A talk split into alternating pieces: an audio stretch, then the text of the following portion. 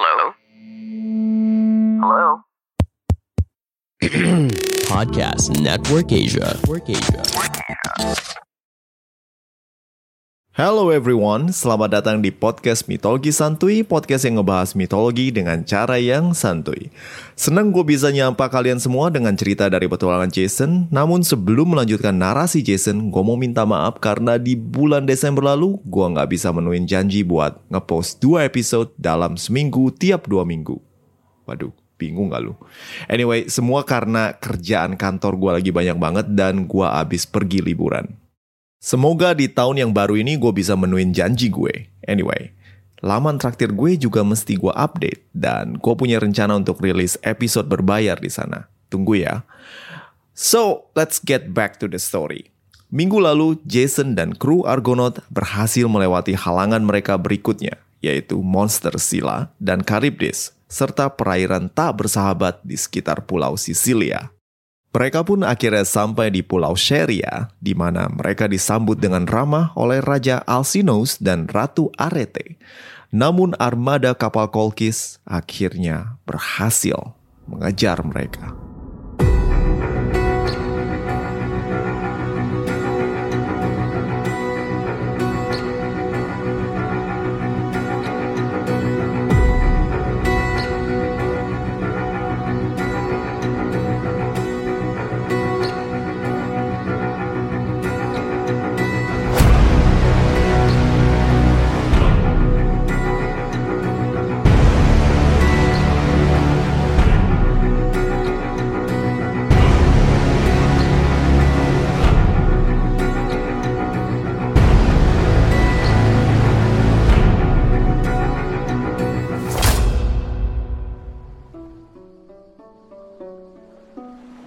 Armada Kolkis berjumlah lebih kecil dari rombongan awal yang mengejar kapal Argo ketika mereka meninggalkan Kolkis. Kapal-kapal yang kini mendarat di pelabuhan Seria juga berukuran lebih kecil dari yang pernah dipimpin oleh Aetes, sang raja Kolkis. Tampak jelas bahwa sang raja penguasa kerajaan Kolkis tak hadir di armada kecil ini. Armada dengan lima kapal sedang ini jelas adalah regu pemburu yang bergerak lebih cepat dibandingkan armada perang yang biasa dipimpin oleh raja atau panglima. Walaupun demikian, kehadiran kapal dengan layar naga merupakan simbol bahwa walaupun Aetes tak hadir secara fisik, namun perintah dan wibawanya tetap terwakili. Raja Alcinous yang tahu adat menyambut tamu datang sendiri ke pelabuhan dan memberikan sambutan yang hangat. Sang raja tahu keberadaan armada Kolkis di kerajaannya sekarang serta merta berhubungan dengan keberadaan Jason dan rombongannya. Walau menampung Jason dan Medea, Alcinous tak serta merta mengusir armada Kolkis, namun menerimanya dengan baik.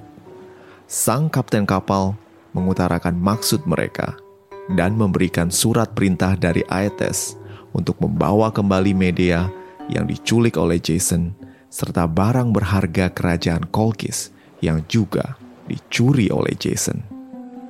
Tapi setauku media tak ingin kembali ke Kolkis. Dan barang berharga apa yang dicuri oleh Jason? Sanggah Alcinous sambil mencari tahu tentang barang berharga yang disebut oleh sang kapten. Begini yang mulia. Raja Aetes adalah ayah dari Medea. Jason dan Medea bukan suami istri. Selama Medea masih gadis, dia harus tunduk pada kehendak ayahnya. Jawab sang kapten sambil mengajukan pertanyaan Alcinous tentang kulit domba emas. Sementara itu di istana, Ratu Arete memanggil Medea, dan sang putri Kolkis langsung memainkan perannya sebagai putri yang tertindas dan tak ingin kembali ke kerajaan ayahnya. Yang mulia, kau tak tahu betapa kejamnya ayahku. Dia bukan manusia. Aku, aku tak ingin pulang. Kau bilang ayahmu kejam. Apa Jason gak kalah kejam? Kudengar dia menculik adikmu, membunuhnya, lalu membuangnya ke laut. Kau yakin mau bersama Jason? Itu, Itu tidak benar, Yang Mulia. Kata Medea sambil berlutut dan menatap Ratu Arete dengan tatapan sendu dan berlinang air mata. Adikku, ia sakit keras dan meninggal. Jason yang meminta kita harus menguburnya dengan layak. Namun, kita di laut, dan aku yang mengirimnya untuk beristirahat bersama Poseidon, dewa pelindungnya. Arete terdiam. Raut wajahnya menunjukkan simpati terhadap gadis berambut merah yang tampaknya khawatir akan keselamatan dirinya sendiri.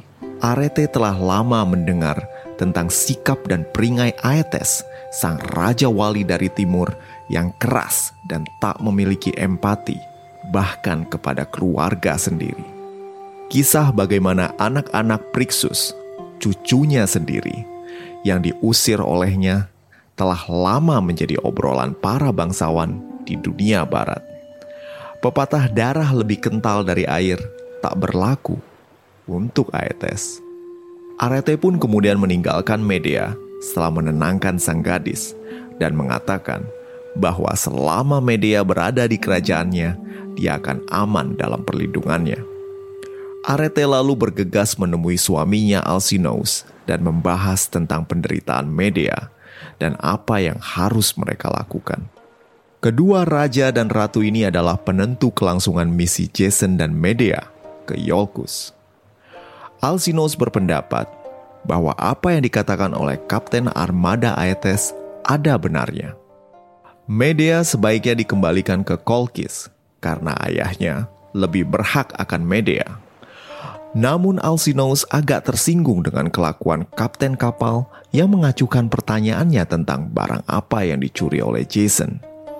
Arete dengan cerdik menangkap sikap suaminya yang gamang. Gimana kalau Medea udah jadi milik Jason? Tanya sang ratu kepada Alcinous yang kemudian menatap balik istrinya dan tersenyum. Arete kemudian kembali kepada Medea dan mengajukan pertanyaan tanpa basa-basi mengenai hubungannya dengan Jason.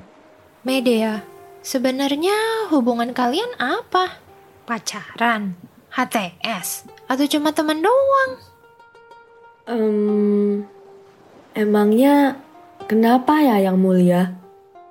Well, sesuai adat dan kebiasaan kita orang Yunani, selama seorang gadis belum menikah, ya dia milik sang ayah.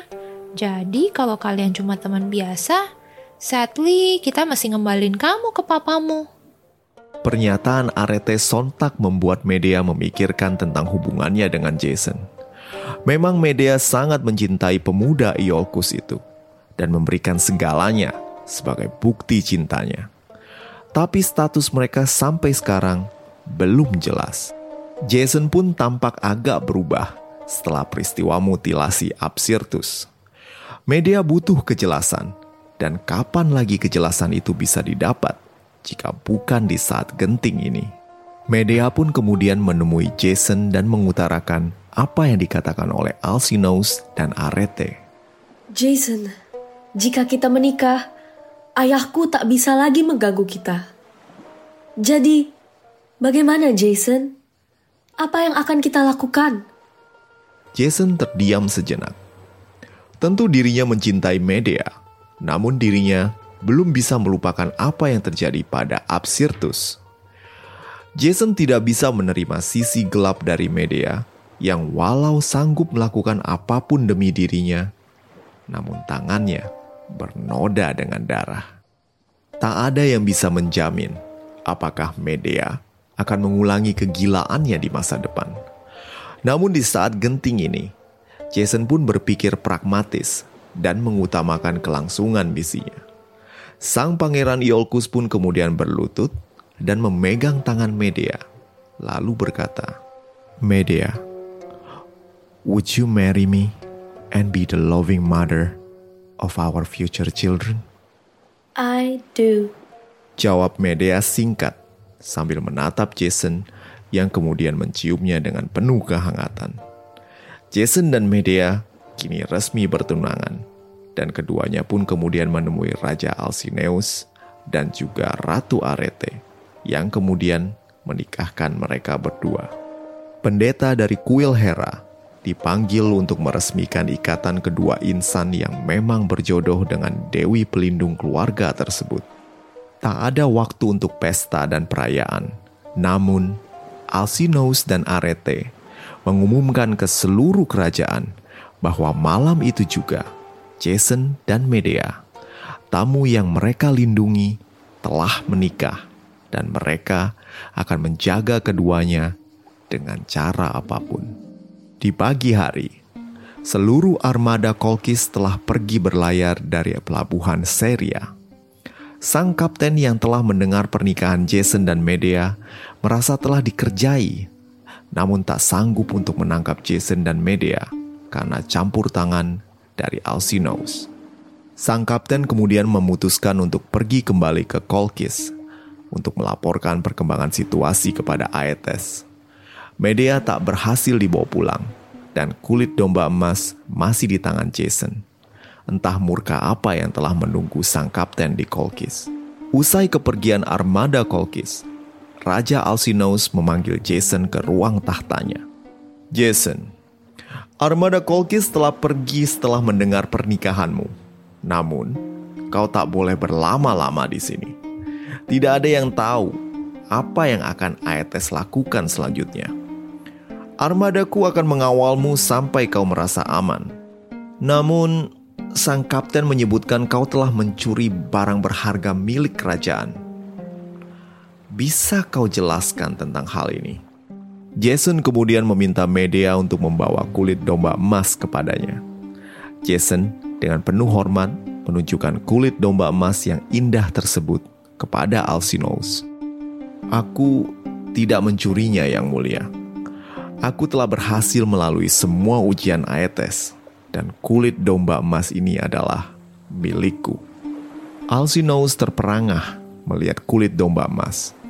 Matanya tak pernah melihat benda begitu indah berkilau. Alcinous mengelus kulit domba emas tersebut dan berkata dalam hati, Tak heran Aetes pontang-panting jauh-jauh ingin mendapatkan kembali kulit domba emas ini terbersit keinginan untuk memiliki kulit domba emas ini. Namun, akal sehatnya menyadarkan Alcinous kalau kerajaannya tak akan aman dari serangan kerajaan lain jika kulit domba emas ini berada di tangannya.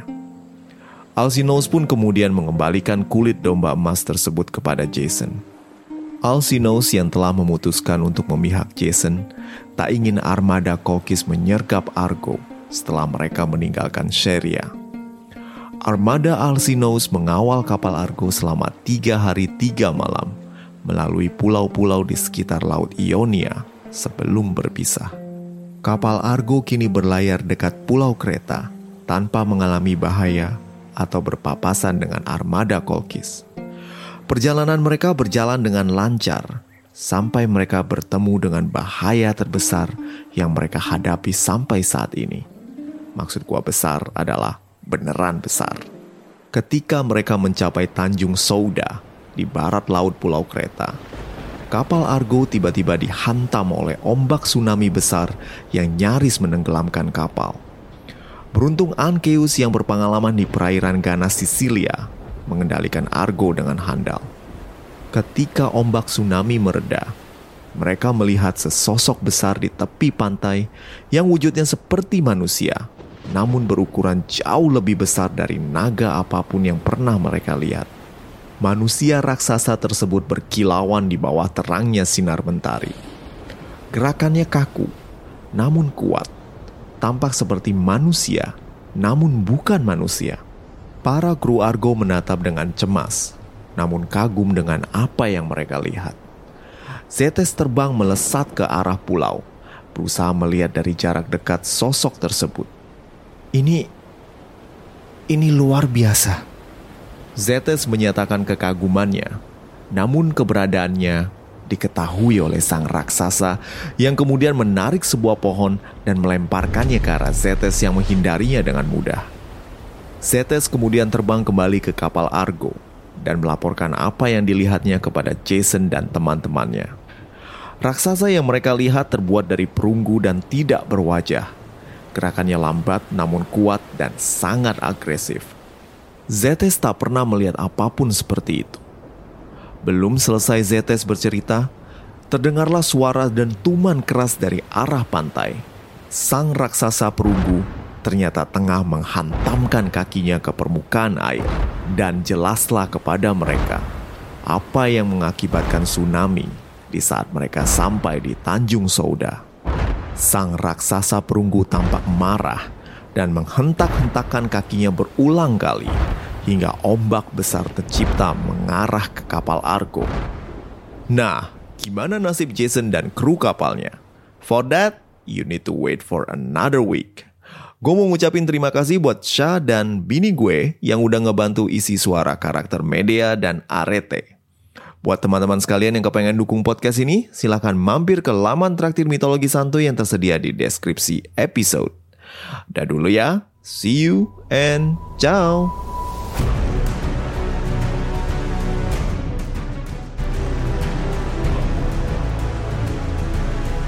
Pandangan dan opini yang disampaikan oleh kreator podcast, host, dan tamu tidak mencerminkan kebijakan resmi dan bagian dari podcast Network Asia.